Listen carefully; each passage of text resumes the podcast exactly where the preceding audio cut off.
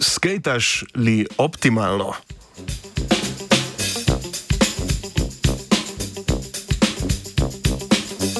Skateri in skaterke vseh dežel, poslušajte. Švicarsko-japonska raziskovalna skupina je uspela matematično določiti optimalen način pospeševanja rolkanja po žlebu.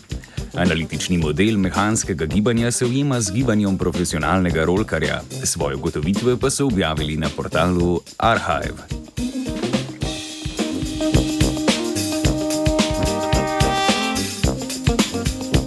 Vzemimo za primer dotičen skaterski poligon. Rampa, ki si jo lahko predstavljamo kot polkrog, ima vmes ravno dno. Skaterke in skateri se po njem spuščajo od leve proti desni, pri čemer s premikanjem svojega težišča v neopični smeri lahko dosežejo više hitrosti in na koncu rampe večjo višino. Torej, fizikalno, da pri začetnem kotu rampe na levi strani cevi dosežemo največji kot in s tem višino na desnem koncu žleba. Opisali smo optimalno gibanje na rampi, ki ga je matematično obravnavala raziskovalna skupina.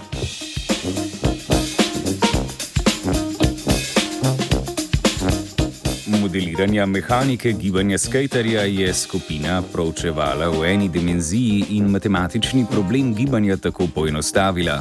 Optimizacija gibanja je bila izražena le v odvisnosti višine, ki jo skater v polkrožni rampi doseže glede na višino svojega težišča.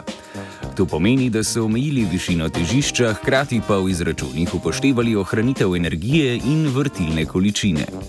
Z upoštevanjem teh parametrov so uspeli opisati gibanje s klasično mehansko diferencialno enačbo.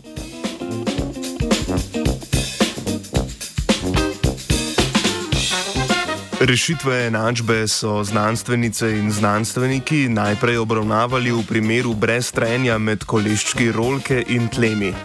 Ugotovili so, da je končna višina skaterja ali skaterke v zraku na enem koncu rampe odvisna od razmerja med največjo in najmanjšo višino težišča in sicer na peto potenco. Z upoštevanjem prispevkov trenja kolesc in zračnega upora so v nadaljevanju določili parametre za optimalno gibanje na prvem koncu rampe.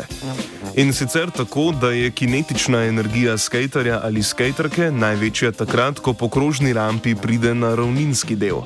Tu je težišče skaterja najnižje, kar je pogoj za dosego največje višine na drugem koncu rampe.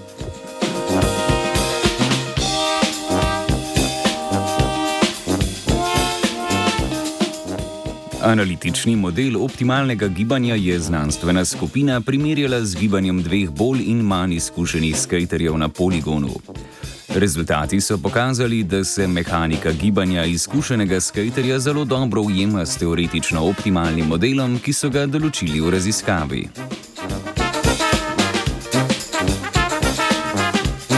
Skaterski izpit iz klasične mehanike je sedemkrat ponavljal Filip.